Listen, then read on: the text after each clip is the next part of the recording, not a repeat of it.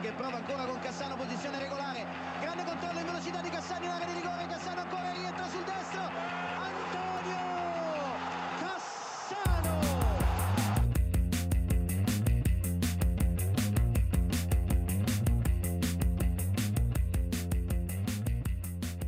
Hlustundu góðir. Lagasáttunum punktur og basta farin að stað. 19 umferðir búnar í ítalska boltanum sem hefur átt reyndar betri vikur en þessa sem að er að líða eins og við fengum við þó frábæna fótbolta innan vallar eins og svo oft áður og við ætlum að reyna að gera þessu öll góð skil. Til þess er ég með mína bestu menn þá Otna Þóru Andersson og Björn Má Ólásson komið sælir stengir Já, sæl. Já, komið sælir.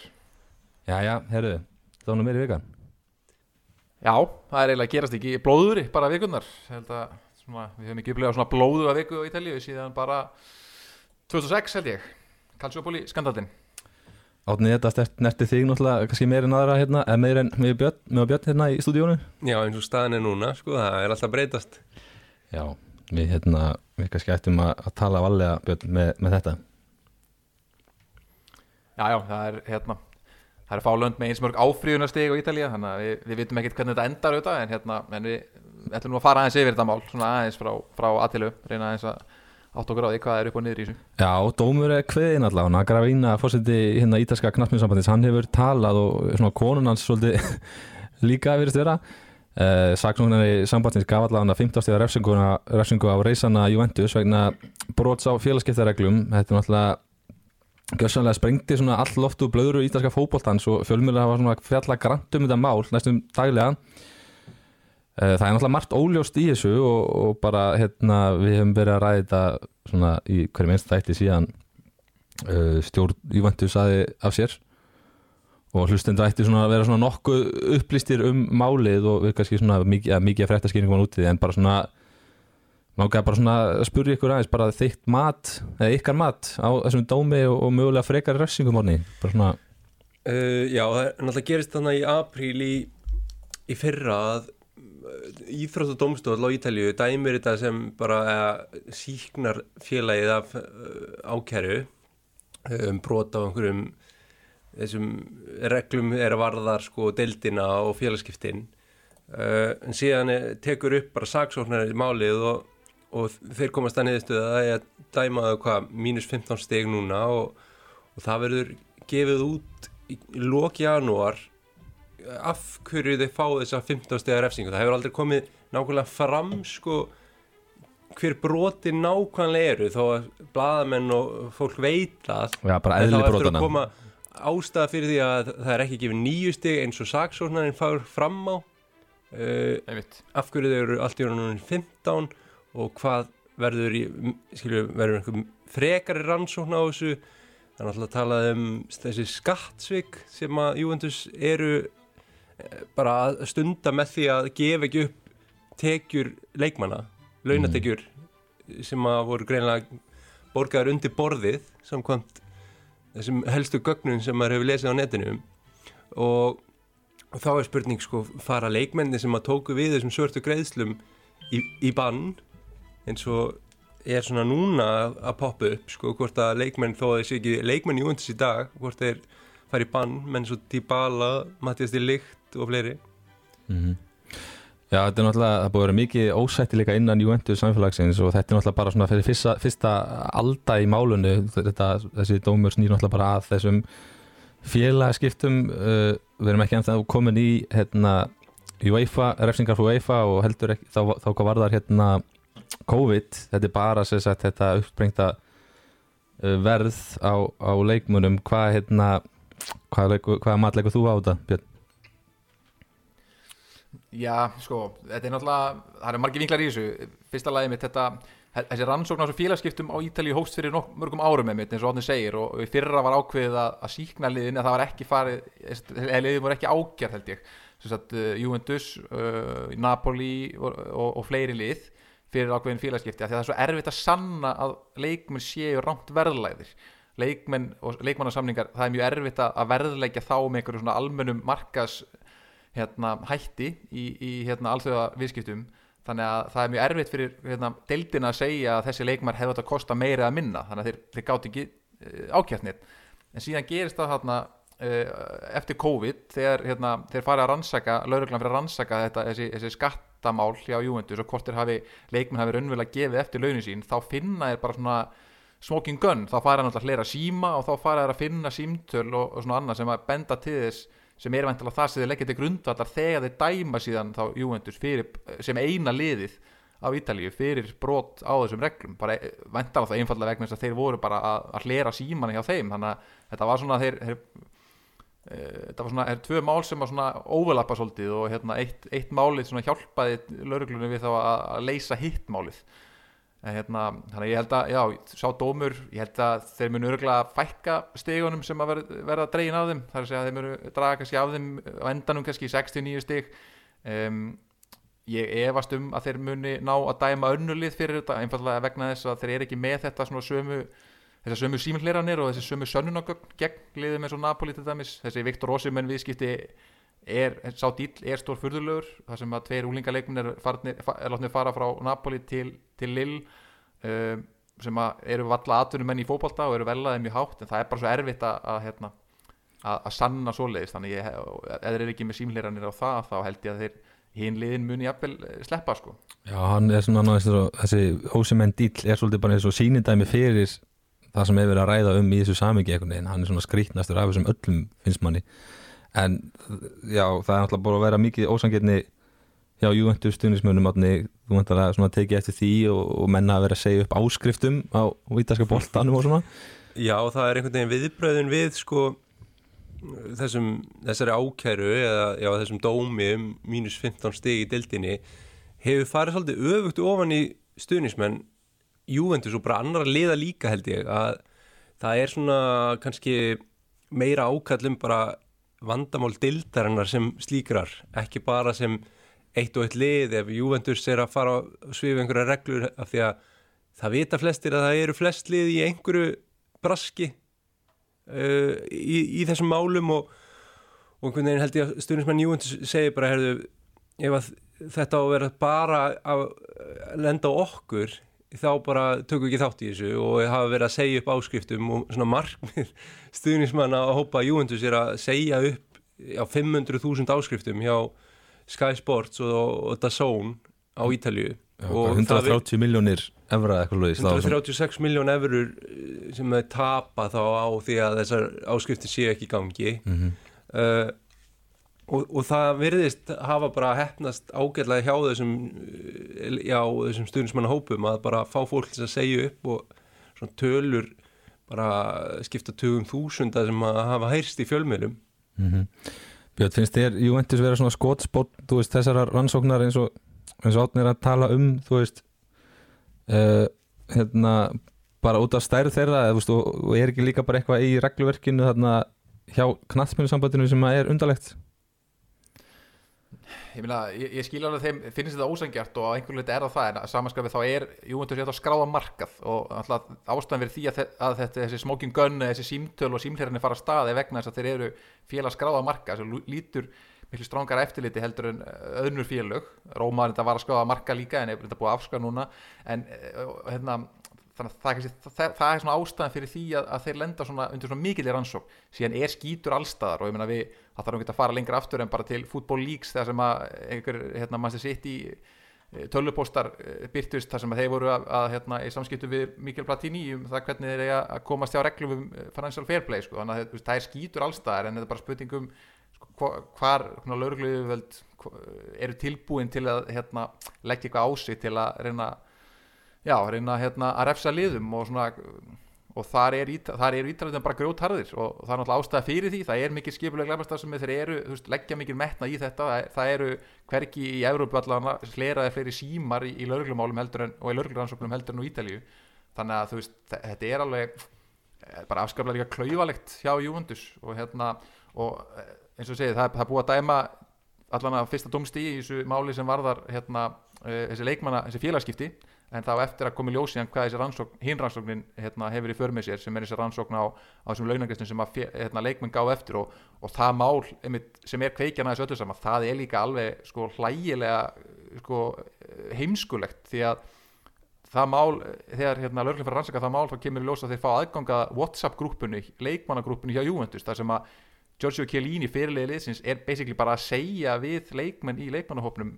Hann er bara að lýsa hérna, því hvernig Juventus ætlar að brjóta reglur um tilkynningu að skildu til kaupallar hann segir við leikmenn að hérna, þeir hafa komið tilkynningu á félaginu vegna þess að félagi sko á markaðum að þeir ætla að leikmenn að gefa eftir fjóra mánuði en hafa engar áhyggjur þeir munu fá þetta greitt setna það verður ger, gerður annar dýl við ykkur þar sem þeir munu fá þessa peninga greita og það er, þetta er svona kveikjan að þessar rannsók þannig að þetta er mjög klaufalegt og það, svona, það er kannski erfitt að rannsaka ekki þann anga málsins þegar lauruglan sér bara leikmann lýsa þessu svona með, með beinum orðum. Þannig að hérna Já, en ég- þið getur auðvitað verið, verið hérna reyður og það er mikil reyði, ég, meina, ég, er, ég er sjálfur í einhverju hérna, Facebook-grúpu hérna, svona ítalski boltinn í Danmörku og ég hef ekki séð eins mikla reyði og ringur reyðin á Facebook-grúpu bara frá því ég var eins og í skiptinámi í Noregi og skiptinámagrúpa minn eh, snerist upp í reyfiliti að milli kurda og tyrkja sko. það er, það er hérna það er ljótasta eh, Facebook-grúpa sem ég hef verið í harkale, með harkalugustu reyðilitorum og hérna, en þetta, þessi ítalska grúpa hérna sem ég er í núna, hún toppar það nánast sko. þannig að hérna Jú, það er mikið reyði og þeir, einhverju leiti er það alveg rétt þeir, þeir er, lenda mjög harkalega í þessu vegna þess að, þetta, þessi mál óvelappa svona. Já, um eitt síðast núna í kvöldi ég var sko aðeins Twitter bara fyrir þátt og svona og það var einhver yfirlýsing frá þarna stuðnismannaklúpum Juventus í Norður Ameríku. Já, já, um að 16 fordæma ekki. eitthvað, já, 16 stuðnismannaklúpar í Norður Ameríku voru að fordæma það að Juventus hafi fengið 15 stega mínus. Uh, mér finnst þetta bara einhvern veginn svolítið skrítir sérstaklega bara, já, þetta er frá alls konar bæjum í, í Ameríku, sko, eitthvað Westchester og Rose City og Silicon Valley Já, og maður veit ekki alveg hvað þetta gerir sko.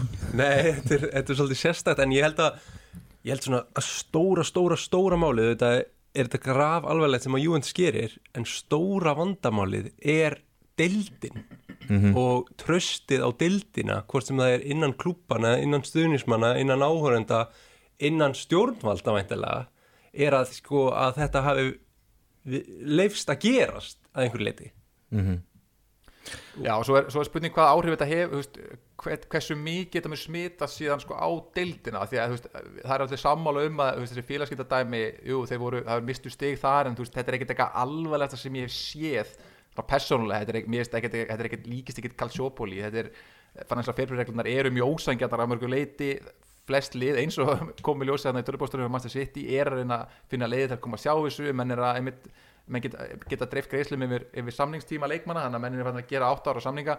Já, sjáum Chelsea bara núna í janúar. Já, og auðvitað að menn halda sér réttu með við línuna en þú veist, mér finnst það ekki eitthvað alvarlegasta mál í heimi en eh, hérna en þetta er bara spurning hversu mikið það smitar yfir á deildina við sjáum það á Spáni að, að hérna, þar eru, voru hest, bestu leikmenn heims og þjálfarar heims dendi til hérna, sko, jafnvel fyrst dendir í sko, hérna, skilaspundið fangilsi fyrir hérna skattsvík vegna þess að félögum voru einmitt að borga með gegnum einhver álandsfélög vegna þess að þau hérna, gátt ekki lengur borga launin sem þau átt að geta borgað fyrir nokkrum árum síðan og þá fóru allir þessi leikmenn úr deildinni þannig að, eh, en þú veist fólk, einhvern veginn, þetta það loði samt ekkert eitthvað vila líka ennþá þetta er ekkert, brandið er ekkert ónýtt hjá seri A þótt að þessi skandal komu upp og hérna, eh, það er, það er alveg hægt að vinna úr þessu held ég sko, en, en þetta er auðvitað óöfilegt Já, ég minna að við hefum séð að þú veist bara ef þetta búið til Hollywoodmyndum ítalskan fótbolt á sögu hans þá væri, væri bara nafni einfalt sko, Rise and Fall of bara Italian fútból sko, Calcio sko, því að ég minna að við hefum séð þetta svo oft áður hvort, að, hvort sem að séð Toto Nero skandallin þar sem að vera þú veist, hafa áhrif okkur að leiki hérna Pálo Rossi hérna, fór í bann sem Pálo Rossi fór í bann fyrir og uh, hvort sem að séð hérna Calcio Poli sem er alltaf stæsti kannski svona skandallin í, í seinni tíð ég meina þú veist þá hafa líka verið margir minni ég meina frá 2006 til 2015 er, eru held ég tvö tímabila sem að ekkert á Ítalíu er dæmt í er dæmt refsing. Þú veist þetta er einhvern veginn algjörlega svona þú veist vandamáli er víðara heldur en bara þetta þessi litlu lið sko. Já og þetta kannski einmitt líka smitar út frá sér sko bara vandamáli með að ennska deildin sé að taka fram úr öllum þessum deildum er að liðin þurfa að reyna að finna lausnir til þess að halda í við ennsku liðin, það er bara þannig. Og, og kannski með PSG og svona lið sem eru kannski með já, botlaus og vasa. Algjörlega. Uh, og þá er oft reynd að fara á sviði reglunar og það er þessi superlíka pæling sem að Real Madrid, Barcelona, Juventus hafa verið mjög svona eh, staðið fyrir. Og mér er svolítið sérstakt að að bara eh, já, stjórnaformaður þarna Exor Group sem á Juventus, John Elkam sem að tekur eiginlega við núna eh, þetta hefur verið smá svona kallt stríða milli, milli hans og Agnelli, Andri Agnelli. Uh, hann fordæmir þetta, þetta að Juventus hafi verið svona einn á, ein á báti í þessu og, en hann hefur samt verið mjög gaggrinn á stjórnina sem var þarna og var að gera sér mistök og já, ég held að þetta sé bara ég held að þetta sé miklu dýbra á þessu heldur en bara einhver spilling og eitthvað svindl hjá einum klubbi í norður Ítalíu sko. Já, ég er alveg sammálaði þetta, er, þetta eru liðin mitt, á Spánu og Ítalíu að reyna að halda í við einhvern veginn skip sem er silt sko, sem er, er Premier League sko. Mhm. þannig að maður, veist, já, það, er, það er stóra ástæðan fyrir þessu en ég held, ég hef svona bundið voni við það að með þessu ellenda fjármagni sem hefur verið að koma inn í deildina, bæði í serju A og serju B það er náttúrulega nánast meiriluti félaga núna í eigu bandarískra fjárfesta og hérna og einhverjir, ég hef lesið einhverja greinar sem fjallar undir um það að hérna, ástæðan verið því að þessir bandarísku fjárfestinga fyrirtæki er að kaupa uh, íþróttafélög, ekki bara NFL og NBA, heldur líka í Európu til þess að geta nýtt einmitt þessar uh, afskriftir á þessum leikmönnum í skattalegu tiliti en en ég ætla ekki að fara eitthvað mikið dýbra út í það. En hérna, þú veist, að með þessum bandarísku eigendum bindi ég allan einhverja voni við að það komi að betri stjórnunarhættir inn í þetta þú veist, jú, jú, undir skráða markað þannig að það er mikla kröfu til þeirra en veist, að þeir sé ekki koma þetta inn og sé að fara að læra af einhverjum þeir sem eru þannig fyrir að, að stunda einhver svona einhver eh, skitin félagskipti eh, Nei, að og þetta er ekki falskan fótballtamenn sem eru að að stýra félaginu sko, núna, þetta er svolítið Nei, þetta eru bara Þetta eru alvöru fjárfestar, sko. þetta eru bara bókalds aðilar sko Já, sem að vilja Já, bara það- það eru- greinilega þá að reysa þess við hérna ímyndinu og, og að gera þetta rétt ekki bara einhvern veginn ráða einhverja spaða til þess að stýra þessu sko. Já, og ég, ég held að það sé alveg það er margt gott, gott búið að gera hvað það varðar að það sé komið þessi, þessi bandarísku aðilar og veist, þannig að deildin, burumerki er heldur ekki verri en það að það er allan einhver sem sjá þetta sem fjárfestingakost þótt að við myndar ekki sé Katar eða, eða með Östurlundin koma inn í deildina en ég held kannski að það snúist ekkit um að þau viljið ekki heldur, ég held að þau séu líka pínur hrætt við það að- að fara inn í einhver land þar sem er verið að hlera alla síma sem þú finnur sko, að þau kannski hafi meira áhyggjur af því svona með að við hérna með að við þeirra til dæmis viðskiptahætti að sitt í og það sem þeir tölupóstunir sem að lágu þarna í, í fútból líks þá held ég að þeir sé ekkert mjög hrifnir af, af símklerunum sko. nei, þetta er samt svo slæm einhvern veginn svona fyrir þá sem horfa á þetta að utan þá er þetta einhvern veginn svo slæmt þú veist, því að ímyndin er ekki góð fyrir þú veist, við sjáum svo mikið að liðum það verðist alltaf eitthvað að vera þú veist, bara svo bókaldinu hvort sem það sé Palermo, Lazio eða Parma eða hvað sem er og, og þetta fókbalta hagkerfi á Ítalíu þú veist, með það sem var einu sinni þetta co-ownership sem er eiginlega bara nánast hefni að hafa ekki verið rannsaka betur. Það var allt mjög svona shady í kringum það. Kaupa eitthvað 30% í eitthvað leikmanni fá hann tilbaka og svo borga þeirra setni prósentin set, restina prósentur er Já, mikið svona setna upp og á leikmönnum og já, upp á leikmannum og svo erum við með þessa þú veist, skrautlegu karakter, karaktera þessum að nánast poppa upp alltaf á, á þú veist, ég veit ekki hverja hversu, hversu oft þeir, poppa bara upp reglulega, sama hvað sko. Della Valli, Berlusconi Kragnotti og ég veit ekki hvað er heita sko. Mm. veist, þannig að það er spurning svona hvernig þeir laga þessa ímynd og því að voru að tala um ennska boltan þú veist, ímyndin náttúrulega á Englandi var náttúrulega ótrúlega slæm áður en að þeir stopna ennsku úrvastildina þú veist, ennski boltin það er líklega aldrei verið í verri málum en þá, þá var rosalega svona mikil ímyndar, hreinsun sem að átt sér stað. uh, þú talar um björn, það væri kannski ekki jafn gróft og Calciopoli en veist, haldið að það muni held- haldið þetta muni breyta ykkur eða munum við bara halda áfram að fá þess að kalla þarna sem ég nefndi, þú veist á næstu árum og, og þetta mun mögulega endur taka sig? Ég held að muni klálega lagast.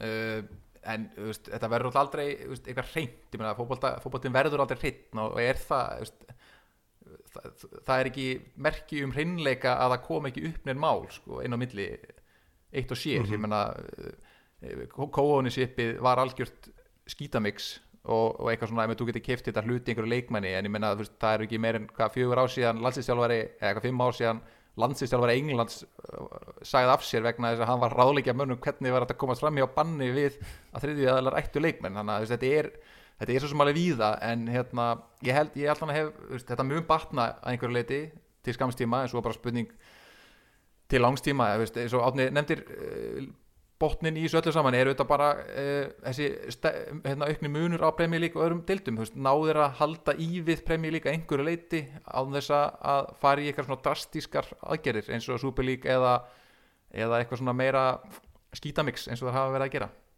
Já og við alltaf vitum ekkit hvernig þetta mun enda og hversu, þú veist, þú talar um Björn að þú heldur að þetta mun ekki hafa kannski áhrif á það mörg lið, mörg, þú veist, mikið af frétta sem við tala, þú veist, svona hóta því svolítið, það svolítið vera að hóta einmitt að þetta verði stærra og meira, þú veist, ef þú myndir horfa í svona þína kristalskúru, þú veist, og, og kannski horfa líka í þessar mögulegu UEFA refsingar, uh, hvað myndir þú svona giska á að verði worst case scenario fyrir ítalska boltan og, og liðin þar? Sko, ég meina Júndur sér svo í slæðum málum að því að þetta var allt ná á teip, er svo maður að segja. Þessi að það er svona meiri og kannski voru aðeins umfangsmeiri af þeim þótt að mörglið hafi stundað þetta. Eh, þá, þetta getur kannski verið eitt og eitt stig hjá einmitt Napoli og, uh, og einhverjum liðum til viðbótar. En ég held að ekki meira en kannski þrjú, max 6 stig hjá einhverjum öðrum liðum, ég var samt eiginlega um það. Um, en það var alveg spurning hvað er þessar UEFA refsingar verða uh, og þar aftur er þú veist, Juventus kannski liði sem er líklegast til að verða fyrir barðin og því og svona eh, það sem ég hrættastur við um, að þeir hérna hljóta einhverja refsingu frá UEFA ég, ég efast einhvern veginn um að önnu lið lendi í því, kannski Napoli sem líka hefur verið reglulega í meistaradildinni og, og hérna en já, Já, spurning líka hvort að sko Er- er- er Júfa reyni einhvern veginn að- að setla þetta með Juventus af því að þetta með að Agnelli er hættur og Elka með tekin yfir þetta uh, skiptir miklu máli fyrir Evraska knæspindinsambandið og það geti verið að sko ef að Juventus kemst ekki inn í meistardeldina núna að, að ég myndi ég bara svona einmitt að horfa í kristalkúluna og reyna að spá spá fyrir þetta. En, en að ef þið komast ekki inn í meistaradeildina þá verði sett Evrópubann í eitt tímbil og þá verður tekjutap Juventus minna heldur en svona undir venjulegum kringumstæðum ef þau kæmist í meistaradeildina já, margir hafa mynd bent á sko hvað væri slæmt eða ef þau myndi ekki komast í mestöldina því að þeir eru svo stór partur af heldarhækjörunu í seria A þú veist, þeir eru að eigða mestum pening og það Já. er náttúrulega leiði til, þú veist, það kemur meiri peningur inn til minni liðana sem eru að kaupa, Já, þeir eru síðustu, að kaupa af ég, sá voru tölur í dag eitthvað síðustu eh, 12 árum Já. þá eru þau búin að eyða 800 og, já, yfir 830 miljón evrum innan Ítalju Mhm. í leikmenn á hjá öðrum ítalskum liðum sem er náttúrulega já, þetta trickle down theory skilur Já. að þeir eru að græða pening á meistaradeldinni Mhm. en Monza fær þá líka pening eða Salernitana fær líka pening af því að þeir eru að sækja leikmenn þaðan sko. Já, segir sér sjálft að þeir mun ekki ná, úst, eigða jafn miklu pening eða þeir komast ekki í náttúrulega komin svo, svo veit ég ekki alveg hvernig verður með sko, hvort að UEFA rannsaka geta sjálfstætt eða hvort þeir bara sjáu hvað deildin gerir og ekki síðan sína eigin refsingu á eða hvort þeir fara bara einhverja sjálfstæða heilsta rannsókn á þessu. Að því meina summa þessu viðskiptum er náttúrulega á milli landa. Ég meina Pjanic hérna, Artur meina það er á milli hérna, Juventus og Barcelona. Allar allar UEFA einhvern veginn að leggja mat á það og fara að skoða veist, Barcelona þá í leiðinni eða þarf þá Liga að gera eitthvað veist, ég, veit, ég veit ekki alveg hvernig það virkar bara sá mekanismi sko en hérna já, ég er ekki vonað því að þeir geri UEFA fari einhverja eigin rannsókn, þeir munu ef þeir dæmi eitthvað, þá, mun, þá verður það líklegast bara út frá, svona, út frá þessu máli á Ítali og þeir munu bara svona, já, leggja á einhverja banni í kjölfarið eða eitthvað svoleiði sko. Já, þeir eru búin að ráða náttúrulega nýja stjórn, gerðu það eiginlega, uh, kláruðu það svolítið í síðustu viku. Uh, Francesco Calvo kemur inn þarna uh, þá í hlutverk Nedved uh, Gianluca Ferrari, Ferrero tekur við Agnelli og svo er það þarna CEO en erður Maurizio Scanavino. Við na, þekki nú persónulega ekki til þessar manna en ég meina, þetta er, er kannski eins og þú sagði líka átni þarna, rétt eftir áramót bara þetta eru svona gæjar sem að örgulega réttu menn til þess að fá einn núna þeir eru svona bókaldsmiðaðir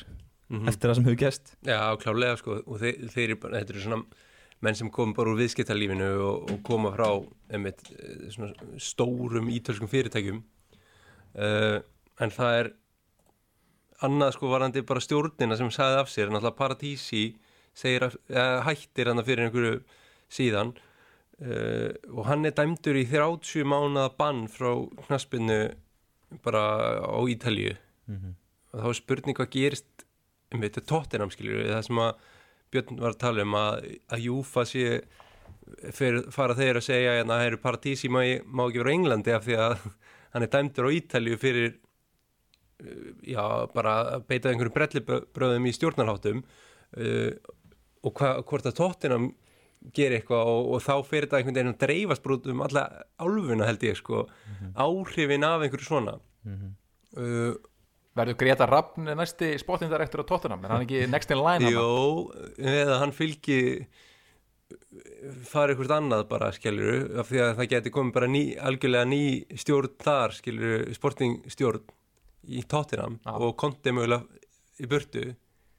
Þannig að það verður áhugavert að fylgjast með því líka finnst mér.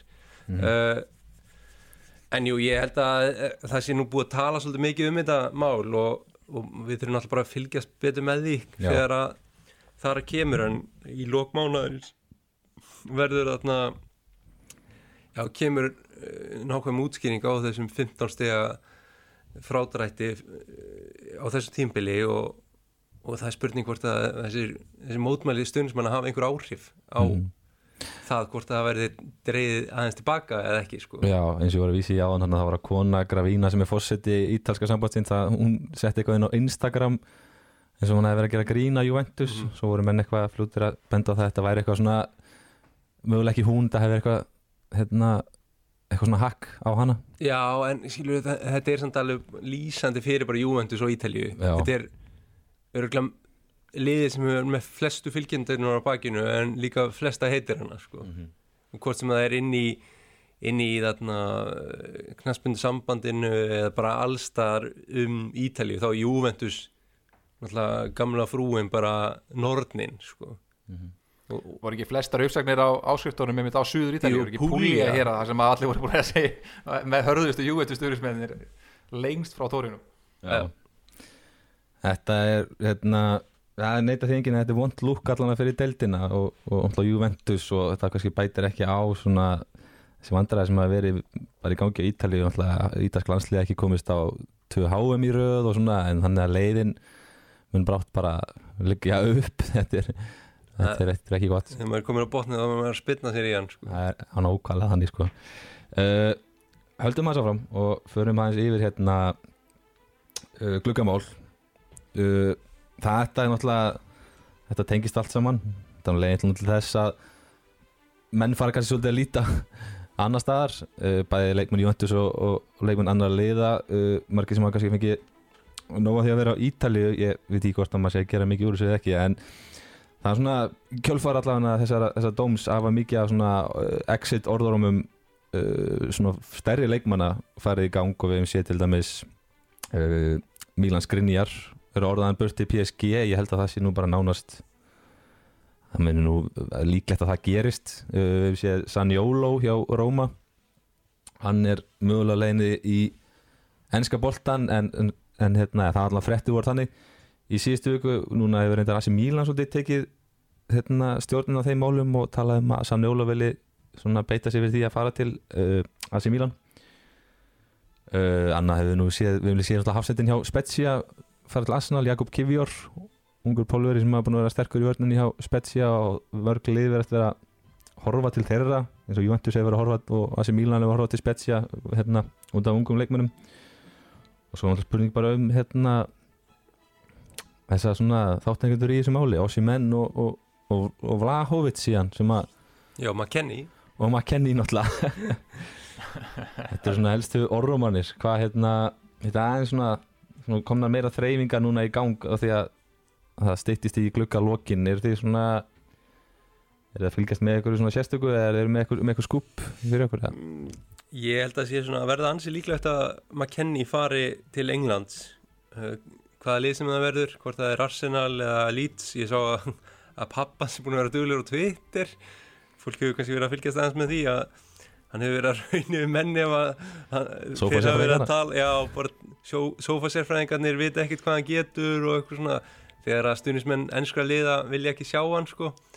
Um, hann lítur að vera í fullu starfi því að það er nú ansið margir á Twitter sem er ekki hrifnir á honum. Já, einmitt. Um, Ég er svona Ég er með svona love-hate relationship á McKennie Já, hann er allra að koma til Þannig að mér finnst hann allir að koma til Þannig að ég, ég vil helst ekki missa hann. Þú vilt hafa eitthvað bandarískan bakur frekar en bandarískan miðjumann. Já, klárlega Og ég held að ef að hann fer þá finnst mér ansi líklegt að Rick Karstorp frá Róma fari til Juventus. Já, ég held að, að á láni þá verður já, að það liggi í því að það þurfa að losa mann til þess að koma honum inn í liðið sko. Um, en já, ég svo sem ekkert eitthvað þannig sé skúp sko, það er bara þessir usual suspects Já. sem eh, eru orðaðir burtu, það er náttúrulega margir leikmenn í Juventus að renna út á samning líka. Þannig að þetta verður forvitnilega svona síðustu dagar í janúarklukka en maður sér bara munin á dildunum í, í transferfís þetta er bara algjörð rugg já, við vorum eitthvað skoðað um daginn Chelsea, nei þarna ennska deildin er komin í hátt í 500 miljón eurur eða eitthvað og meðan að allar hína deildir Evrópu eru bara í kringum 20-30 sko. þetta er og svakalegt það er ekki margir leikmenn sem eru orðaði frá Englandi til Ítalíu eða Spánar eða eitthvað sko. Nei, þetta verður eiginlega alltaf bara munun verður stærri með hvernig gluggarnum, sjáum bara Newcastle til dæmis þeir bætast, bætast í hann ofan í þetta allt saman sko. Já, og Chelsea náttúrulega bara með sínar sína miljarda já, að henda Já, bara í, út um alla náttúrulega- álfu sko. í ykkur, ykkur kaubóðir hérna Björn, ert þú með eitthvað, eitthvað svona til þess að bæta við slúðubakkan? Nei, ég er bara spenntur að sjá með hvað Inter gerir þegar þeir losa skrinjar ef hann fer hérna, þeir alltaf hafa verið orðaði við Skalvini frá Atalanta sem ég held að sé bara geggjuð viðbót en veist, hann er ekki að bæta svona pund fyrir pund uh, Milan Skrinjar, hann er meiri svona framtíða maður en ég er ríkala hrifin af Skalvini og hérna, bara hann til langstíma mun hann klálega styrkja Interlið Já, uh, sem Rómastunismæður ertu eitthvað stressaði fyrir því að Sanjóló geti farið til, til Mílan myndir þú vilja sjá hann frekar á Englandi heldur en í AC Mílan? Eða er þið bara alveg saman? Já, ég, ég myndi eiginlega frekar vilja sjá hann á Englandi bara því ég veit hvað hann getur en ég hef, veist, ég hef minn og minni trú á því að hann sé að fara að snúa þessu við og hann sé alltaf að fara að springa út en bara leiðilegt að sjá hann einhvern veginn að setja tvö mökki grímuna á Róma einhvern tíma setna en eins og að þegar maður veit hann getur það en, en, hérna, en ég hef samt í rauninni ekki það mikla trú á honum að hann takist að snúa þessu við. Það hafi verið svolítið verið bara farið þannig að hérna, bara, en, en að Róma mun bara kassin á honum og selja hann hæst bjóðanda held ég, núna í þessum glugga ef það er hægt og, reyna þá að taka inn einhvern í staðinn. Ég man ekki alveg hvað er hafa verið orðaði við samt. Já, tala um Hakim Ziyech mögulega, eða Ziyech. Já, einmitt sem er tölvut, en ekki aðeins eldri en hérna og svo, vonandi svo tala um hann metnaðafullur hvað er það, hérna Has- Hassan Awar, já, Líón held ég. Já, einmitt. Það er svona, svona helstu nöfnin sko, já, einmitt, ótrúlegt hvað hérna, vermiðin á Sanjólo hefur lækkað bara út af meðslunum hans. En hérna förum bara aðeins í umferðina sem var að klárast í kvöld með stórsigri Lazio á AC Milan 4-0 Lazio gerði bara hálfgett grín af Ítalíumeisturunum í kvöld með þessum, þessum stórsigri. Og þetta var bara mjög samfærandi fyrirfram held maður með sér eitthvað neginn að eða þú veist, bara svona þegar maður fór að spá í svona leik fyrirfram þá hafði maður ekki mikla trú á AC Milan og svo ringist að þeir tapa þarna stórt. Uh, hvað hefur klikkað frá hjá AC Milan svona á þessu ári? Þetta er búið að vera hræðileg byrjun á árunu fyrir, fyrir Ítalíumestarna Já, ég veit ekki alveg hvað hvað það er sko. Þetta er svona kannski það sem við höfum bara verið að býða eftir. Þeir hafa svona verið að spila svona yfir getu svona mikið segla í þeim og einhvern veginn allir bara algjörðu unit sem að einhvern veginn tapar ekki leikjum og núna einhvern veginn byrjuðu að tapa leikjum og þá bara hrundi allt og einhvern veginn eins og sjálfstristur sér farið og tengingar á milli manna eru bara lélega þeir voru ríkalega slagir í dag á móti, móti Lazio sem voru aftur á móti frábærir. Og hérna, hérna Já, ég, ég, það er eftir að segja hvað, hvað það er. Þetta er bara, það hang, liðslutunni bara hanga ekkert saman og veist, alveg frá aftasta manni, Tadar Sano sem hefur verið að spila því að Manjani er mittur það, er það er ekki að hjálpa þeim. Hann var ekki góður í dag og hefur ekki verið góður undarfærið þannig að já, bara óöryggi í öllum einhvern veginn liðslutum og veist, ná ekki að spila á sínum styrkleikum.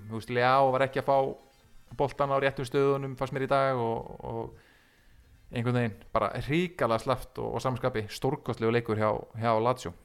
Já, það er eiginlega, ég verður bara að endtaka sem við höfum verið að tala um í síðustu þáttum, það er eiginlega bara ótrúlegt að þið séu ennþá með hann að markmann í markinu sko. vitandi það að mæni hann sé ekki að koma alveg strax. Ég meina eins og í þriðja markinu þegar þið fá þessi viti þú veist, hann hefur allan tíman í heiminu til að koma út úr markinu og hlaupa hérna, og sópa upp fyrir aftan vardamennina en hann stendur eiginlega bara náttúrulega limtur á marklínunni ég hef aldrei séð markmann það er upplöp í gangi og þú veist frá miðju og það veit að leikmann er náttúrulega komin í gegn og markmann ekki hreyfa sig frá línunni sko. Já, bara sko Já. þessi markmaður er náttúrulega bara ekki nógu góður og þeir eru búin að ná að klúðra þremur titlum á einhverjum í fjórum leikjum Já, Þeir töpuðu náttúrulega í, í byggarnum gegn Torino síðan grútöpuðu þeir fyrir Inter í svona Supercup og síðan töpuðu þeir kvöld sem að gerir eiginlega út um vonið þeir að vinna þessa deild sko. það er ekki sjens fyrir þá að, að ná Napoli og sérstaklega ekki á með hvernig þeir spila sko.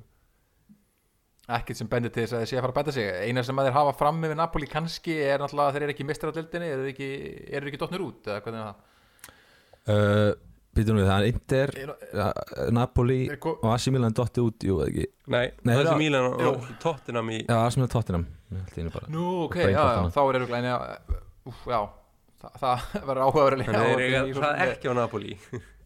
Nei, Já, ok, þá, þá er það ekkert, þá er þetta bara búið þá er bara afskruðu það. Nei uh, ef maður reynir eitthvað að greina þetta þú veist, þá horfum maður alltaf á hennar leikmannahóp og þú veist, hvernig allt veginn small í fyrra og reynir bara frá Pioli síðan Pioli kom og hann alltaf honum að þakka bara allt saman og, og hérna, þetta hefur litið fárlegur út. Þeir hafa ekkert verið að panikera þegar það koma svona moment. Fyrst skipti í kvöld sem ég hef séð þetta lið núna á þessum tíma sem að er búin að vera með lið það sem að menn eru það, þeir þeir misti einhvern veginn trúna sko. Það var svona, þú veist, það sem mér hefur fundist vera algjör svona líkil element við AC Milan er, liðið er það að þeir hafa einhvern veginn alltaf trú á því þráttur er kannski að mannskapurinn eins og ég segi er ekki það góður. Og svo þegar fær mótlætið núna í andlutið og, og þú veist kannski ekki alveg með leikmennina þá svona lítur þetta ekki alveg nógu vel út sko. Ég myndi segja það að ef það er eitthvað lið í deildinni sem að þarf að vesta sér eitthvað, eitthvað, hérna, eitthvað leikmann þá er það bara AC Milan myndi ég segja sko. Kannski nokkuð auðlust Já, og anstæðingarnir eru líka bara ég að fattin að lesa þú veist, þeir eru er að spila svolítið svipa leikjari svona, þú veist, síðust, bara síðan tók við þannig séð, það hafa svona verið að púsla þessu bara svona hægt og rólega saman. Og þú veist, það, og endanum gerist það bara líka að einhvern veginn hinn önnu liði deildinni bara náðir og, og bara eru búin að lesa þig, alveg, þú veist, þú verður að þróa kannski spilið þetta aðeins meira og að með hann hefur kannski verið að bæta svolítið við svona like for like, þú veist, var, hérna vorum við Slatan, svo tókuð svo að Origi sem að, veist, ekkert verið að spila mikið en er líka svona svolítið hávaksin leikmaður og ég veit ekki, þetta er kannski svolítið lesið bara líka undanum já. Þetta er ekki beint stór nöfn á blaði en það bara helst svona þessi bara þessi Rafael Leao hérna, effekt sem að hefur bjargaðum oft á tíðin Já, sko, tónali kannski. Og Tonali. En þú veist, viðskiptið er að þeim maður, þú veist þeir, þeir eru búin að vera góð, skilur það er margt búið að ganga upp hjá þeim en þessi, þú veist, bara leikmannahópurinn er ekki nóg sterkur. Sali Makes, Messias og, og fleiri, sko. Dest var hræðilegur í kvöld varnalega Já, Já, ég ég held að hjálpið þeim heldur ekki að vera ítalíumestarar það er svona það er aðeins minna hungur enn í Napoli sko, það er bara klárt mál. Það er menni svo kannski Giroud og já, og bara Calabria og svona gæjar sem að eiga aðeins erfiðar með að gýra sig upp í að reyna að vinna þetta aftur sko, held ég en ég, Já, ég kannski er svo nóg sterkur hópur til þess að vera tvöfaldur meistari. Nei, ég held nefnilega ekki sko, en þeir eru ekki það mikill yfirbyrð hópur og, en við meðum ekki taka neitt frá sko, latsjóliðinu sem Nei. var bara fáránlega góðir í kvöld og gæið sem hefur gjörsanlega stíð upp á þessu tímbili Sakani, Já, skoraði í fyrsta skipti í þrjú, þreim leikjum í röð á ferðlunum já bara kom með einhver áttamörk í deildinni bara í fyrsta skipti á ferlinum og skoraði í einhverjum já, fimm ég held að hann hafi skorið fimm mörk í 36 leikjum með Lazio þegar hann var láni í fyrra eða hitt í fyrra, fyrra. fyrir þá, Uh, og komið núna með 8 í 20 eða, í kringum 20 leikjum í öllum keppnum. Mm og þannig að mér finnst hann búin að vera einhvern veginn bjartasti punkturinn í þessu Lazio-liði ég veit ekki, Já, ég dýrk að horfa Hann líka- hann hann líka að spila komið- sko. hann líka kom með bila tattoo aftan á nakkan, reysa stóra stafi á nakkan sem er svona eins og þessi, eins og þessi tattooað með svona aðeins dekkra bleki en ekki bara svart, Já, alveg svart þetta er eins og þessi sko bara málað á hann fyrir leik sko. Ekkert eðla nett, hann er, hann er lífið leikur við hann, hann Carpe er hérna alltaf bara ríkala snöggur og bara geggjaðu leikmaður sko. Þeir hafa líka leist hérna, fjárveru immobíli vel á þessu tímabili. Þú veist, það datt út þarna uh, fyrir á tímabilinu og svo aftur núna í meðsli og Filipe Andersson hefur veginn náða að fylla þetta skarð vel sko. Já, Sarri náttúrulega kann svo vel að, hann náttúrulega uh, elskar falska nýjur og hérna, listaði svo vel hjá Napoli þegar Milik mittist að ákom bara Dries Mertens í staðin og var bara ennþá betri, þannig að hann, hann elskar svona falska nýjur þótt að í móbili séu þetta bara geggjaði strækjar þá, þá, þá er hérna kann Sarri á þetta. Já. Uh, Þeir eru náttúrulega bara eru komnir hérna í þriðja sætið og, og lið sem við spáðum hérna hvað, 15 og 17 þeir eru komin í bæði í efstu þremur. Þetta er, þetta er hérna þetta er geggja afrek hjá Spalletti og, og, og Sarri fyrir að ná þessum leiðum allavega á þeim stað sem eru í dag sko. Og er, þó, þó, þó þeir sé ekki í baráttu að vinna dildina en þá er þetta samt bara ef þeir, ná meistarlega sætið þá myndi ég segja að þetta veri bara mjög gott tímabil hjá Lazio. Já, ég svo líka að Sarri var orðað við þarna Tottenham í dag ef að Conte fer að hann myndi fara til Tottenham eftir tímbilið Klasi Paratísi eitthvað að sækja sína menni Paradísi, eða? þetta er svona hans síðasti dans Já. hjá Tottenham að sækja Sarri. Já. Var það ekki hann sem E- sótti Sarri bara til grét- þetta er Júvel gott ef ekki sko. Þetta er Greta Ramm, hann er að bóti hann. Já. Hann veit hvað hann syngur, svo hann fylgist með. Uh, Já, Gekkið að sigur hjá Lazio og hérna, Ítalið meistarnir Þeir eru í, í klandri, það er klárt að segja það. Juventus Atalanta fór síðan fram á sundarskvöldinu átni, við lístum þeim leik. Því líku leikur? Já, bara leiku tímbilsins sko svona fótbolltalega séð að horfa á þetta af því að þetta var að báða bóa sko, náttúrulega Napoli Juventus var svona, kannski stærstu úsleitin og óvendusti leikurinn en 3-3 í Torino bara gjörsanlega störlaðin fótbolltaleik Já, bara non-stop í, í 70 mínútur og, og við hérna við bara ná- náum alltaf handanum hérna á milli sko, þetta var bara teigan á milli og þetta var samt svona bara game of runs, þetta var þú veist Atalanta skorar hérna Juventus kemst yfir, svo komast Atalanta aftur yfir og ít- og Juventus jafnar. Þú, þú, þú helst kannski að Juventus væri að fara Já, það var ekkert ólíklegt að þeir væri að fara að vinda og, og einhvern veginn bæði liðin sætt sér ekki við jafntöflið sko, sem að er svo sk- skemmtilegt sko, Það er bara að- besta í fótbolta. Já, það leggst ekki annað liðið tilbaka og býður einhvern veginn. Um, og bara frábær leikur hjá mörgum leikmennum þó að leikurinn endi 3-3 þá spiluðu eiginlega allir leikmenn vallarins mjög góðan Já, hvort sem það var í vörn eða sók já, einmitt. Bara menni svo Hólund frammi hjá Atalanta var styrlaður Já, við vorum Svona- ekkert eðla hrifnir á honum sko. við svona kannski sé aðeins minna af honum heldur en þú Björn allána uh, þetta var svona fyrsti heil leikunni sem maður horfir á hann og hann er margt til brunns að bera. Hann er sterkur, hraður góður í löppunum, frábær í svona hvað segja návíum, blöðin um hann í Danmörku?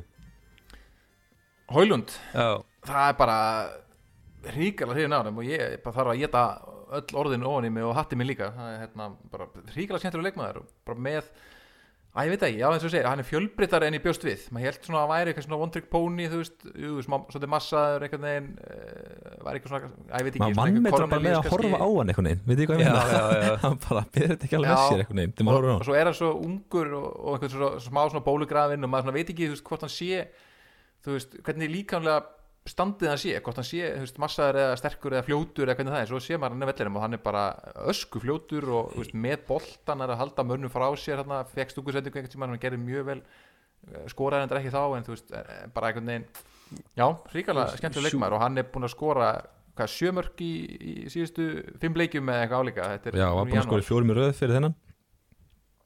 Já, já og líka bara hann, hann var að berjast við sko líkamlega besta gæja deildarinnar, Bremir sko. já, og, og var ekkert að tapa endilega sko. Nei, var þetta ekki bara, þú veist, maður sá bara að þetta var að mesta sem að Bremer er að hafa fyrir einhvern já, veginn bara í þetta tvö var ár bara sko. klárlega sko. Þetta var bara algjör einhvern veginn glíma á milli þeirra. Og ég líka svolítið sammálaður átni, þú veist, með það að það voru einhvern veginn það var ekki margir lélir í svo leik. Nei, eins og var Nei, Sessni átti ekki sin besta leik og það kannski bara eins og það er, skilur það, Já, mér finnst hann ekkit eiga samt eitthvað öll mörkina, það var aðalega bara hann í fyrsta markinu sem að hann Já. gerir ekki nóg vel. Já, Kostic ekki góður. Og Kostits, já, og svo, þegar hann var tekin út þá veginn batnaði leikurinn aftur sko. já, en þú veist, Bremer bara í mitt tóttan að, þú veist, að hafa mikið fyrir sig þá var hann frábær líka, sko. Já, sko það var kannski aðalega já, Danilo átti kannski ekki sinn besta leik. Nei, skoraði vissulega jöfnmarkið en Já, en Bremer var frábær já, einmitt, ef hann er ekki að standa sig í vörninni þá skora hann markið fram á við skilur, í staðinn.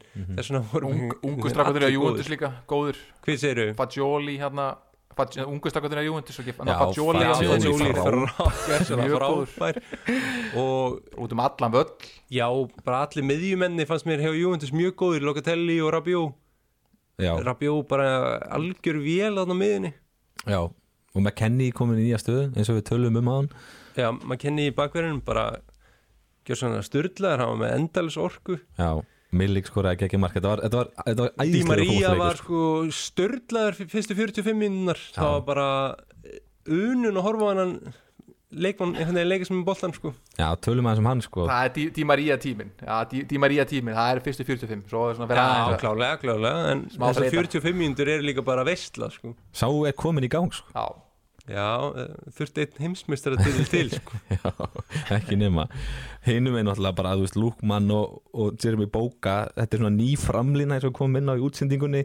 Uh, Ég held að Gasparini hafi átt orð á því að hann einhvern veginn er að breyta þessum fremstu þreymur í bara, í bara speed kills, bara í hraða. Þetta voru svona þengjandi leikmenn Alejandro Gómez og Jósef Elisits og Zapata, þetta var svona þetta var gamla tríó, núna ertu komið með Bóka, Lúkmann og Haulund mm og þú veist bara, það held, ég held að það sé að ekki, ekki leiðilega tríó sko. Nei, eiginlega ekki, því að er eiginlega að spila sem besta fótbolta bara síðan hvenær eiginlega, bara síðan Ilicic var hérna í mestadeldin held ég, þá, þú veist fyrir einhverjum tveimur, þreimur árum síðan þá bara hafa Atalanta ekki litið svona vel út sko.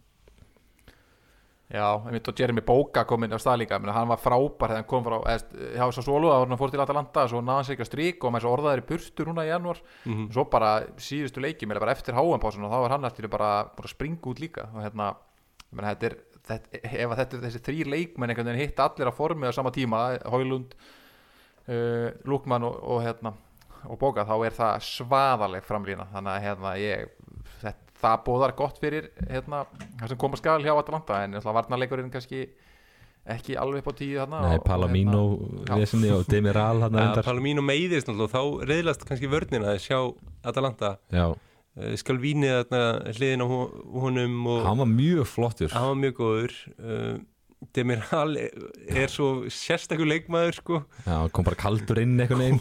Ógæðslega galdur inn sko. En einhvern veginn ógst, ógsinn í leikin sko. En þessi þarna kemur einhvern seint í leiknum þessi hælspinna sem hann tekur. Já, þegar hann er að skýla einhvern veginn boltanum úta tekur allt í hennu hælspinnu. Og þá fæði mér rétt í færið já, þarna. beinti í lappinnan á Moiskín og gefur inn á mér rétti sem að klikkar á dauð og færi sko þetta líst einhvern veginn Demiral svo mikið sko. Já, svona Atalanta varnarleikurinn. Ég meina að síðan þeir lenda undir hana gegn Spezia Þú veist, þá það, það var bara eitthvað skrýtnastu varnarleikur sem ég sé í setni tíð sko, það sem að sko, miðverðir ver, verðust nánast á miðlínunni þegar þeir voru í vörð sko. þú veist, þetta var bara eitthvað þetta var ógeðslega fyrirlegur fótballleikar en það er svona mómentið, ef það er eitthvað móment sem breytir tíðinbúlun, þá myndi ég klárlega að segja endur koma á móti Spezia því að þeir fengu á, í þeim leik á sig fjögum örk en þú veist, þessi háa lína skilaði því að það voru tvö af þessum mörkum rángstæða það var mjög tæft sko. Uh, þá bara svona einhvern veginn myndi ég segja, þú veist, að ég er svona byrjar að fíla þetta Atalanta lið aftur og, og, og Skalvíni myndi ég segja einmitt, ég sammála ykkur að þetta er bara, veist, hann er the real deal sko, hann er, einn mest spennandi ungi leikmaður núna bara á Ítalíu. Og, og þótt að við og Atalanta. Hvað séru? Atalanta líka, þeir eru bara að skora líka mörg þeir byrjuðu tíðanbílun alltaf mjög vel með því að vinna bara eitthvað eitt nú sér og við vorum að tala um að Atalanta var alltaf í orðið bara eitthvað svona varnalið sem við höfum bara aldrei þekkt áður og, og Gasparini var að gera grína því hvað þetta var nú bara búið að breyta um leikstíl og breyta um hugmyndafræði og svona en, en nú er þetta aftur komni bara í gamla farið það sem er bara öllu hent fram á við og þeir eru bara með Zapata á bekknum og er ekki Luis Muriel hann bekknum líka, besti leikmaður heims sjöta á ári. Já. þeir nú kannski orðið svona þrýr dagar á ári sem hann, sem hann dugir í núna, ég veit það ekki. Hann Þeir er- fækandi virðist vera já, heillum horfin en hérna bara mjög skemmtilegt fram á við og, og ég er bara spí spenntur eftir næsta Atalanta-leik, ég ætla bara ég ætla virkilega bara að taka frá tíma og, og, og horfa og, og njóta. Já, Já, og einhvern veginn áður en við lókum þessu þá vildi ég bara tala þessu Max Allegri, sko. Ég held að hann sé komið með eitthvað svona nýtt mission að auðlast aftur ást stuðningsmann Júventus á sér. Með því að hann er núna eitthvað orðin svolítið svona breifart gæi í þessu í þessum Þetta er bara- domstóla máli sko. Hann er svolítið gægin sem að ætlar og, og ég held að félagi sé svolítið að treysta á að hann haldi svona hóptin svolítið þjætt saman og, og ná í úrslit sem þarf þó að fótboltin sé kannski ekki það fallegast það og mér finnst það svona mér finnst þetta áhugavert einhvern veginn að að maður sem var svona ógeðslega hataður bara núna í november eða eitthvað, oktober, november snúið sem við sé að verða sko, það er verið að orða að vera að tala um það að hann fái mögulega endur nýjan samning bara á næstu mánuðum sko, til 2027 sko. Hann er líka orðin bara eh, svona reynslumesti maður stjórnin er farin, sporting, sporting stjórnin er farin hann hérna, Nákvæmlega, Angelli og, og Nettit og þeir. Þannig að hann er fótbolta knowledgeið, fótbolta know-howið í klubnum er hann. Þannig að hann er alltaf orðin bara líkil maður. Getur bara að labba hennar skristu og beðið um þeim laun sem, að, sem að honum sýnist. Já, ég held að þetta snúist líka bara einhvern veginn um ástina hjá stuðnismönnum sko, e, þegar að klubburinn fer hann í bétildina 2006-7 þá þarna þá náttúrulega eru ákveðin leikmenn sem að halda treyðu við klubbin og það skiptir stuðnismennina langmestu máli sko. Og Allegri er að gefa það Allegri finnst mér svona smá vera að sigla þanga til þess að að einhvern veginn fá aftur ástina frá stuðnismönnum og, og, og klubnum Mhm.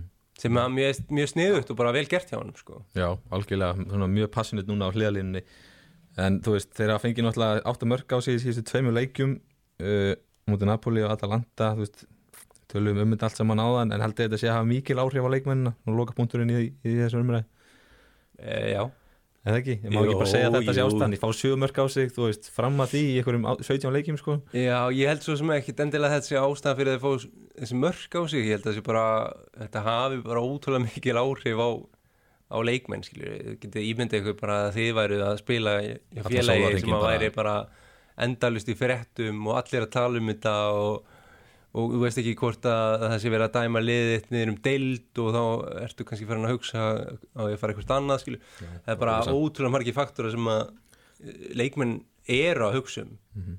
það bara hlýtur að vera Já, Locatelli sagði þetta líka bæti viðtal eftir leikinni mitt sko, það var bara auðvitað, auðvitað værið til hausnum á munum þannig að hérna, Já, einmitt, en þetta var hérna, þetta munur örgulega svona við munum setja þennan leik ofalega á lista yfir þessa bestu leikbi tímabilsins það var Já, geðvegt fengum að fá að lýsa þessu sko. Já, það var bara, við þurftum ekki að lýsa einhverjum Amrabat sendingum upp á, á íkóni hjá Fiorentína skilur við. Sem klúraði síðan boltanum og innkast og eitthvað. bara sjúku leikur sko. Já, þetta var, þetta var gaman. Uh, Síðan í gær svona milli dagsins í dag og sundagsins var leikur Inter og Empoli sem að kannski ykkur ég held að myndi vera svona sjálfgefin sigur fyrir Interlið en, en uh, það sem hefur verið að gerast kannski eftir áramót er svolítið það að mér finnst þessi uh, svona lakari lið vera stíga svolítið upp á móti stórulegunum þú veist það sem að sá svolítið fyrir áramót var kannski að þau fóru aftar á völlin og, og vörðu þetta stig.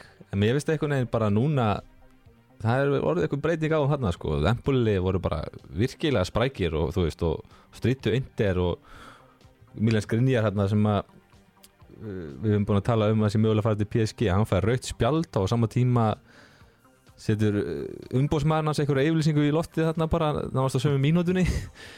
Uh, þetta voru náttúrulega bara mjög óvænt úrslit síðan í, á endanum og, og hérna, Empoli stelur hérna þreymur stigum og mjög óvænt hvað, hérna, hvað getur við sagt um þennan leikstráður?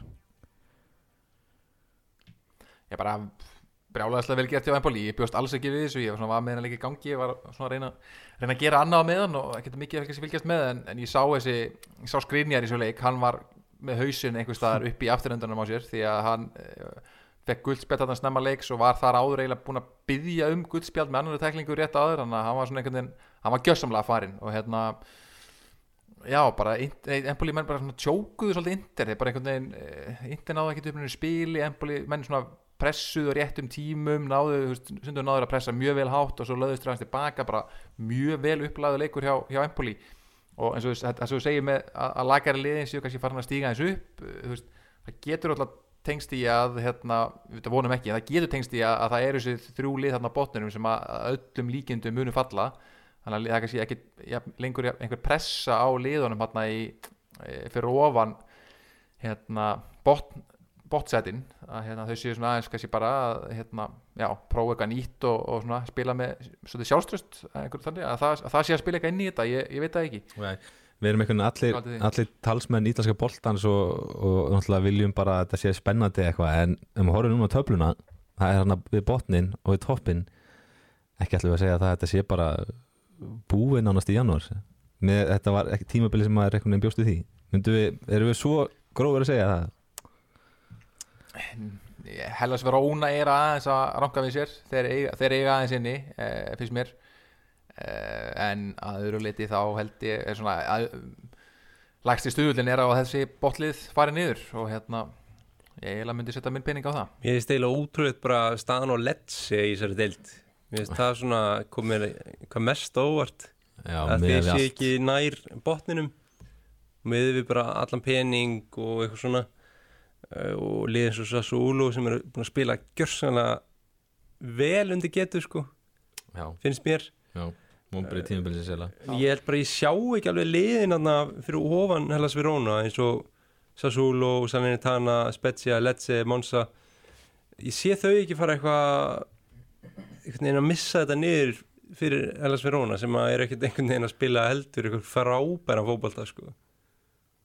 Nei, það er svolítið tana held ég Já, sem það, það er kannski það, helst en það er bara möguleiki. verið að sækja leikmenn þar í Það er á janúar lofti Já, einmitt en, en einmitt, Hellas Verona líka það er, það er eitthvað, eitthvað að gerast og einhverjir nýjir komnir hann inn og svona en, en eins og ég, liðin sem eru þrjú næst það, þetta eru líklegustu liðin og hérna en, eh, já, eins og ég letsi gaman að sjá hvað þeir eru heimgengu vel uh, þetta töpuður hún um helgina en, en hérna, en Þórir Jóhann verður áfram. Þeir, letsi eru búin að selja einhverja miðumenn þannig að hann er einn af rauninni Ja, hvað, hvað sagði hérna Corvino yfir íþjóttamála hérna um daginn? Er, þeir eru með hérna hverja sex leikmenn að berjast um þrjá stöður þannig að hann og þeir ætla þóri eitthvað hlutverk hérna í vetur þannig að vonandi fær hann mínútur aftur fram Já Uh, það var ungu strákur sem stál senunni hjá, í þessum leik Inter Empoli Baldanzi sem að við erum búin að vera hrikalega hrifnir af. Þetta er bara svona, svona ítölsk útgafa af Petri, Petri myndi ég segja hjá Barcelona, hann bara með geðveikt touch og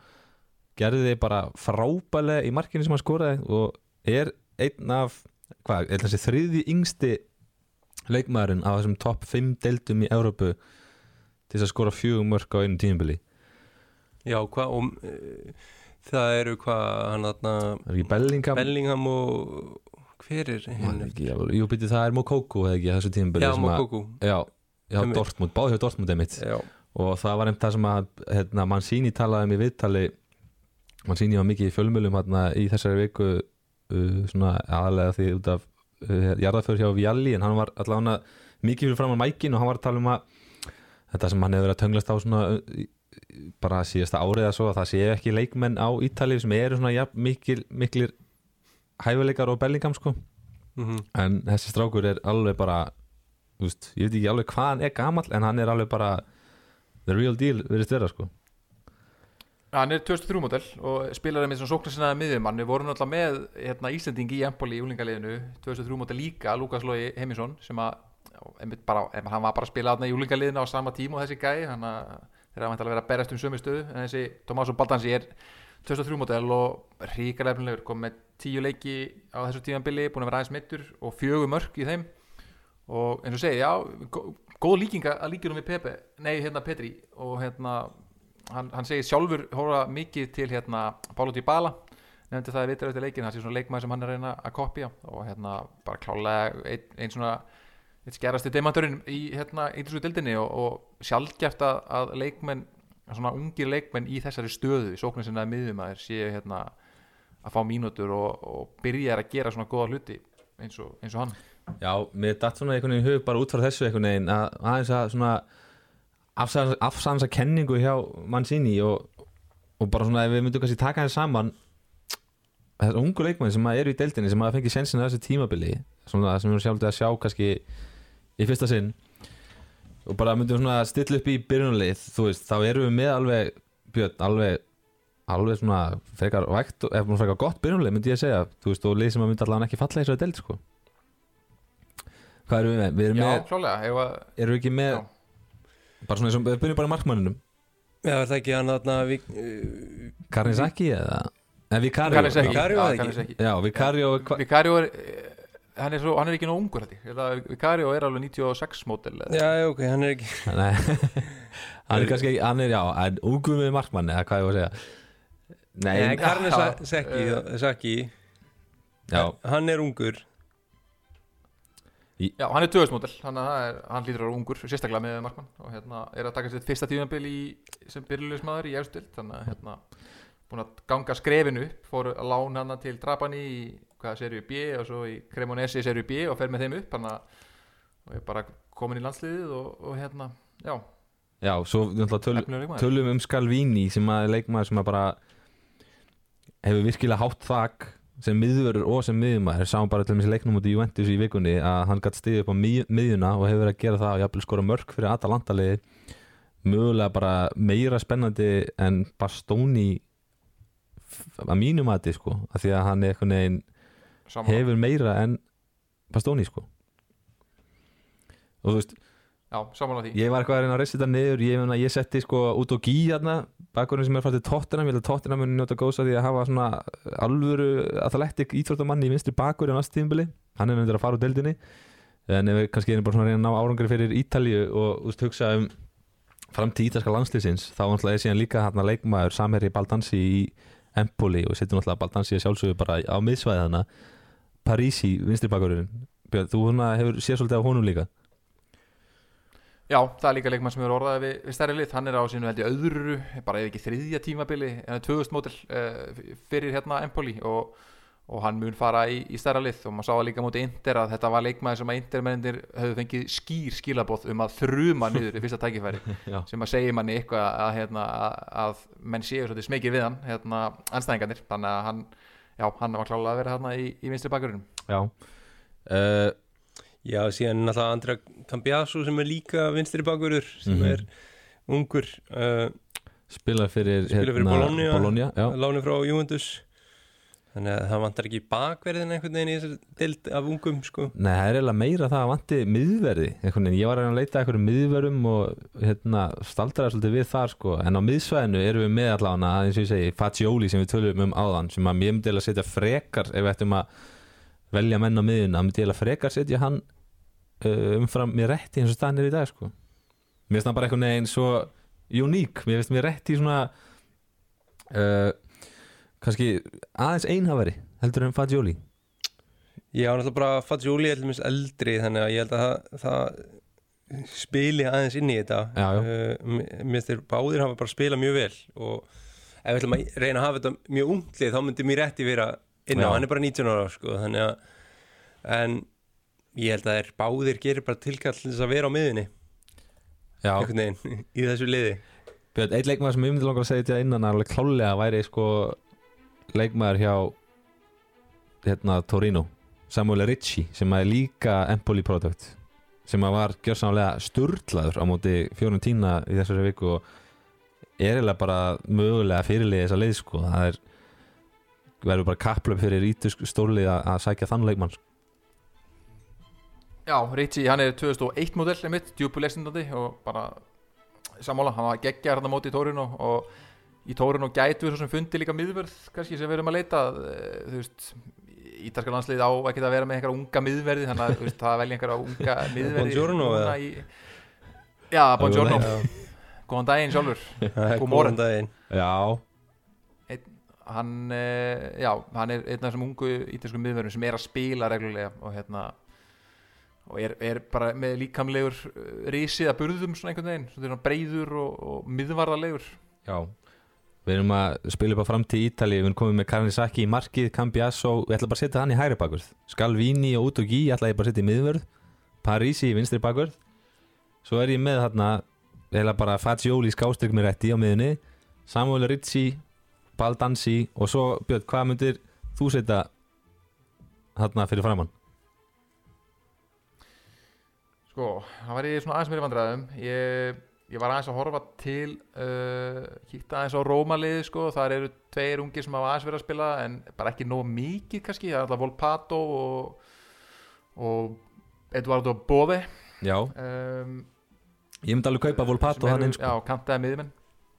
Já, hann er, hann er leikinn sko. Hérna er, hefur verið að spila þessi sem svona já, sóknarsnæðri miðumæður, svona semi-kantmaður einhvers konar. Hann getur verið þarna Eru við síðan ekki alltaf að setja einn af þessum ungu leikmönnum sem að Mourinho hefur verið að gefa tækifærið að. Átni, eru við ekki síðan alltaf að setja dvergin þarna í lít á vinstri kantinu eða? Gnóttó Já, Já, já, Jú, af, af þessum sko á Ítal, sem eru ítalskir já, sem spila fyrir ítalska landslið en, en svona í deildinni þá er náttúrulega já, ég myndi setja hann náttúrulega Matteo Cancellieri já, hjá Lazio, já. já. Ég er hrifin honum. Duglegu kantmaður, tvítur snöggur á landsleik mér sé ég held að hann sé svona já, hann, hann ætti einhvern veginn alveg heima í þessu liði.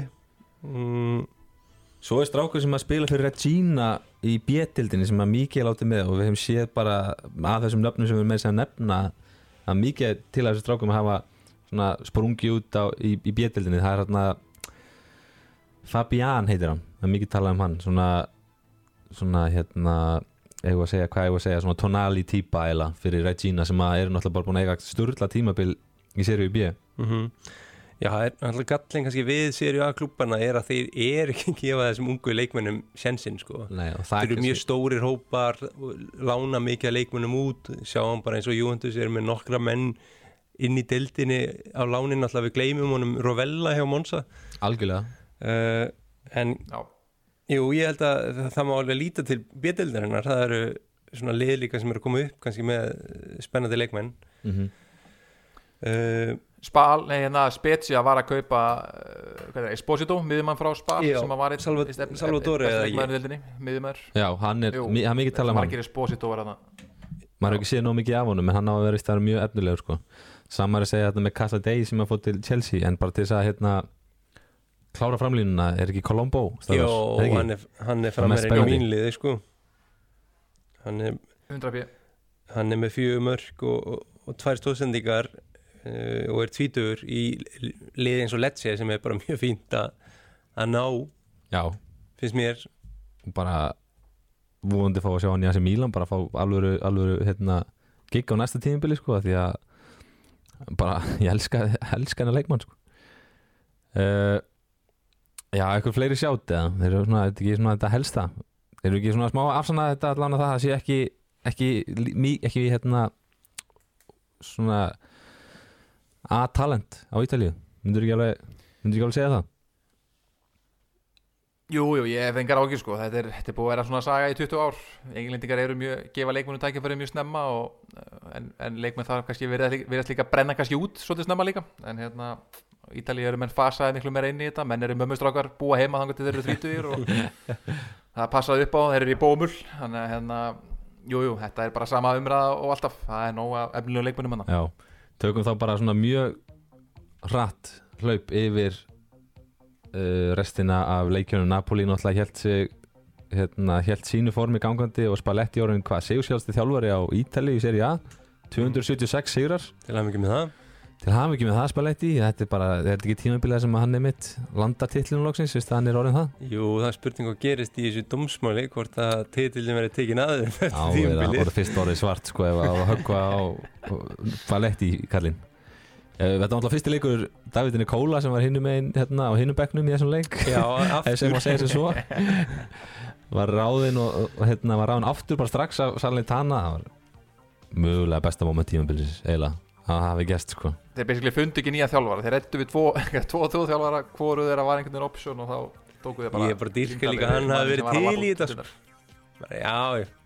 Já, þú veist, hann var ekkit særður eftir Þetta var eitthvað svona smá eins og að konun hafi verið að henda honum út og einhvern veginn kom tveimur dögum setnum tilbaka Þetta er alltaf eitthvað svona, þetta er alltaf eitthvað svona gamla kærustu væpi yfir þessu að ráða gamla þjálfurinn aftur einhvern veginn. Já, þetta er, þetta er alltaf, já, þetta er bara þess að sér ítalsku reglur, þú mátt ekki, þú veist, þú mátt ekki reka, leik, þú veist, reka þjálfara formulega séð, þú mátt bara ekki óska lengur til starfskröftum, þannig að menn eru ennþá á samning, þannig að þetta er svona, það eru vinnumarkasreglur sem að víst gera það að verkum að, að þetta er svona, að það sé bara þetta að kalla leikmenn aftur, nei þjálfara aftur. ætli liðið samt getið þá gert kröfu á að fá vinnuframlega frá honum aftur? Eða, veist, veistu hvað ég meina? Já, þú, já þau, þeir, þeir, þeir verða að gera það, sko, annars er hann, annars er hann að brjóta samning í raun og er ég, ekki? sko. Eh, stu, svo getur alltaf geta vantilega samið um bara að hann kannski gefa eitthvað eftir á laununum og, og hann þurfi ekki að vinna aftur eða eitthvað en, en ég, það er ef hann vill fá launin sín allan þá, þá getur klúpur bara að krafist þess að hann mæti til vinnu Það er frekar magnað sko veginn. Já, heyrðu, við þurfum ekki á að halda og síðan eftir tvota, heyrðu, það væri nú fínt að þú kæmi bara og myndi vinna vinna gamlu kærastu dæmi sko. Já, uh, okkar menn Björn við, þeir unnu Spezia hérna í alveg graut leðilegum leik. Tammy Abraham komin í gang og Tórasportið í bal hann virkar enn. Uh, það verður alltaf Róma Napoli í næstu umferð. Það verður áhugavert. Ég íska á það að Róma mun er að drepa þann leik og sjáum hvernig Napoli mun vegna gegn því. Uh, við tölum um Fiorentina Torino geggja og sigur og Torino þar. Út í Nesi vann sinn fyrsta leik í tóluleikjum og nú samt orði er eiginlega ekki við bjargandi lengur sko, þeir bara eru eins mikið um að heldur með Stankovic þá bara því mér þá erst þú eiginlega fallin á dildinni og, og þetta, þetta Já. romantiska samtúrjálið eða svona þú veist allavega eftir nafninu romantikin, ég veit ekki hvað sem ekki romantik er inn á vellinum í lengur.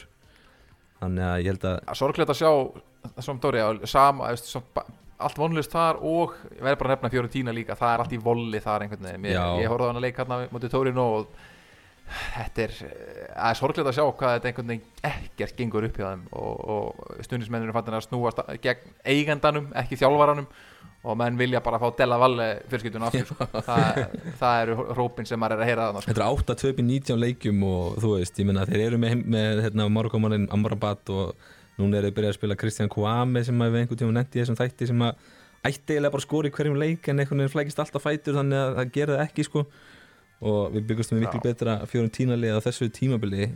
Napoli eins og við tölum um er með 12 stega fórustu á AC Milan. Og Sassuolo er í þessum miklu vandræðum eru 5 stegum fyrir ofan fallsæti þar eru Hellas Verona, Sampdoria og Cremonese með 8 jafntefli og 11 töp. Uh, þeir náttúrulega spilja á mútið Bologna í þessari viku. Það, þeir eru bara ef við hlustu á uppbytunum þáttinn þá gáttu við nú gáttu nú einmitt svona bara að vita það að þetta væri þetta væri raunin fyrir Cremonese sko. uh, í serju B átti Albert alveg frábæra stóðsendingu á, á hérna, Samræsin Kóta og Genova og þeir eru heldur búin að taka við sér og sitja í, í þriðja sæti. Frábært hérna frábært spil hjá Alberti. Það er hérna frábært einhvern veginn hann næra hérna, hans hlutverk í þessu marki. Já, geggja minnski sem komið inn á af þessu marki, bara uppspil alveg frá markmanni því lít hérna flott spil hjá, hjá Genua og, sterkur sigur og bara komnir í þriðasæti og vonandi faraður upp, vonandi fáum við ekki Genua slag í bjettildinni á næsta ári. Sampdoria og Genua, vonandi fer allavega Genua upp og, svo sjáum við hvort að, hvort að Sampdoria ná einhvern veginn á einhverju miracular eh, way að hérna, halda sér uppi. Já, svona til að fólk átt sjá þessu þá er þetta svona smá eins og ef að þegar Birmingham og Aston Villa voru niðri í ennskudeldinni Já, hefur þetta gerst í okkur samt verið ekki nóg? Að þeir mætist í bjöldildinni eða? það, Getur alltaf verið. Það gæti nú alveg verið sko. Uh, Ég man bara eftir að alltaf, þau voru alltaf fallandi skiptist, það voru alltaf hérna stuðnismenn beggja Já. liða, þess að tvikkurs lið sem voru alltaf að halda hérna jarðafarið og um borgina með hérna kistum í litum hins liðsins, þetta, þetta gerðist bara. Annarkvært ár til skipti sko, já, geðveikt sko, ég er bara, ég er að býða eftir að þetta komi, þessi menning komið til Ísland sko, Já, nokkur, nokkara kistur sem ég skal lappa með gegnum, gegnum Garðabæn sko. nei, nei, nei.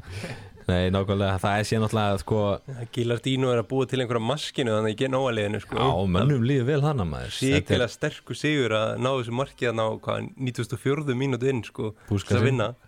Já, já það sem, það sem eru séð af þessu genóli þá bara einhvern veginn er þetta annar bragur yfir því lið. Þeir mæta einmitt Písa í Íslendingaslag í næstu umferðstrókars Það verður ávert það er svoleiðis, það er svoleiðis. Já. og spurning hvort að Hjörtur geti lokað á Albert eða hvort að Albert fari fram hjá sínu félaga. Já, ég ætla bara að tjekka núna til þess að Já. vera alveg viss. Ég, svo sem, kannski er þetta að tjekka á því núna en ég sá allavega að Hjörtur fekk Písa er búið að vera einhverju basli held ég, já, Já, ég sá Hjörtur fekk guld spjald allavega í síðasta leik þannig að vonandi er hann ekki í banni þú er hann ekki með eitthvað uppsefni guld spjöldi eitthvað svoleiðis að- þannig að hann spil ekki leikin en, en bara hérna farið á einhverja farið á myrkram yfir og, og reynið að ná þeim leik sko, það verður áhugavert. Já, ég verð að nefna eitt sko sem ég sá þarna mér er svolítið sérstætt á bara þarna fotmobappinu Já. mér að skoða svona eins bara um leikina og og svo ég að Porto Nova þannig að gæðin sem er dæmdur fyrir nöðgun hann er á meðíslanlistanum hjá er fyrir að þessu. personal reasons. Mér finnst það bara svona litið sérstakt einhvern veginn að það sé ekki bara sem í svona suspended by club eða eitthvað skilur Já, eins og við veit ekki betur er personal náttúrulega- reasons eitthvað. Já, Við- eða bara ekki hafa hann inni eða eitthvað skilur Mhm. Þetta er- Svo erum við að fá nýjan íslendingi í deildina. Uh, Mikael Eill er öllu líkitum á leiðin á láni til Venezia, sakat fréttum. Þannig að hann það er vonandi að spila þar. Þegar meitir ekki af listyrk hérna á miðsveið Nei, heldur betur ekki. Uh, Eru við þá ekki bara svona sæmilega tæmtir með þáttinn þessa vikuna? Jú, ég ætlaði nú kannski að henda einni spurning á Björnmá svona, Já, þú ert búin að vera í spurninga ham undanfæri, ég fíla það. Já, ég, ég er undirbúið mig fyrir stóru spurningakefnina í Braga í mars sko, það er bara Það er líka getur betur að byrja. Og getur betur en alltaf bara í gangi sko. Já, í gangi segi, er að fara í sjónvarpi Það byrja það. Ég, ég tek alltaf í útvarpinu sko. Já, Ég af er þeim, eitthvað sko. Ég byrja þar sko. Já, hörsku keppnu þar í Já, síðustu já uh, Þið náttúrulega sjáum mikið, þannig að ég gæti verið bara eins og hérna, hérna ringivinnurinn í útsvar í gamla daga. Hérna að Þú að googla, googla að fletti svo öllu upp sko. Við treystum að heiðarleikan. Fjóra félagi mína hérna að googla fyrir mig. Ítalskur heiðarleiki. Það er náttúrulega ekki hægt að googla þetta Þetta er svo erfið spurning sko. Hún er flókin þessi, eða ekki? Jú, hún er, hún er skemmtileg samt. Það spurt er um lið Li, Liðið er ítalst og kemur frá borg sem er eða liðið er nefnt eftir borginni eins og svona eh, mjög, mjög mörg ítalsk lið eiginlega öll fyrir utan kannski Juventus uh, það er þarna einkennis litir liðsins eru gulir og, og blár og þarna eitt frægasti veitingastaður heims er í borginni hvert er liðið? Þetta er fyrsta vísbending sko. Gulur og Já, shit, sko Gulur og blár, það er Frosinone, það er Parma En ég er ekki, ég myndi gíska á Er þetta Mótina? Það er bingo í sal. Þetta er svo kallað sérfræðingur. Þetta er alveg sérfræðingur, segi ég. Þetta, þetta var enda vel gert sko. Tísa okkur með öðru líka. Já, ég var Já, ég ætla að, ég að klára svona vísbendingan þannig að fólki heima í stofu Ég var já, hefði, Parma var þetta eiginlega Ég hef, bara of Leið of mikið í augum uppi, sko En ég, það er samt vel að vera fyrsta gíski, sko. Já, þetta var svona þetta var kannski smágefið en, en, en svona er þetta. Næsta vísbending var sko liðið spilar í bétild og það er fuggl í merkinu. Hmm. Aftur. Li, liðið spilar í bétild og það er fuggl í merkinu. Þetta var sem sagt vísbending nummer tvö. Hefur, hefur ekki náð fyrstu sko. Já, Hefur það komið þá eða? já. Já, það er nýbúin að skipta um merki samt, þannig að þetta var svona Já, það er dottin fugglin innan aftur já, hann, er- hann er komin aftur inn sko. og síðasta vísbending hefði verið sko að balsami get ekki er upprunnið frá borginni. Og ég veit ekki hvort að það hjálpið er eitthvað meira heldur en fyrir vísbendingar sko. Nei, það hefði alveg skilt að vera bara fyrsta vísbending sko. Gafst þetta strax með, þetta var svona þrjú stig. Þetta voru þrjú stig. Já, Þetta var gaman maður. Uh, Já, meira svona. Þú tek með nýja spurningu í, hérna, bara í Næsta næsta, þætti. næsta þætti, ekki spurning sko uh, Setjum við bara þá, ekki bara punktin yfir yð eftir þessa umfyllun okkar. Við komin vel á hérna nátt vel á tíma Já, bara. við erum að ganga bara í tvo tíma sínst mér hérna. Já, það er bara þannig. Uh, Þetta er bara komið gott. Ítalska fótbolti stendur ennþá frammi fyrir bara það verður ennþá það verður umferð næstu helgi. Það fólk þarf ekkert örvænta sko þó að það sé smá skandalar sko. Nei, nei, ég að segi það er dagur eftir, eftir þennan dag og umferð eftir þessa umferð sko. Já, já En við vonum eftir að verða einhverja róttakar breytingar og, og, hérna, og þetta þetta verður nú ekki höggið sem einhverju tala um sko. ég segi bara hérna, takk fyrir í kvöld strákar, gaman að vera með ykkur hérna,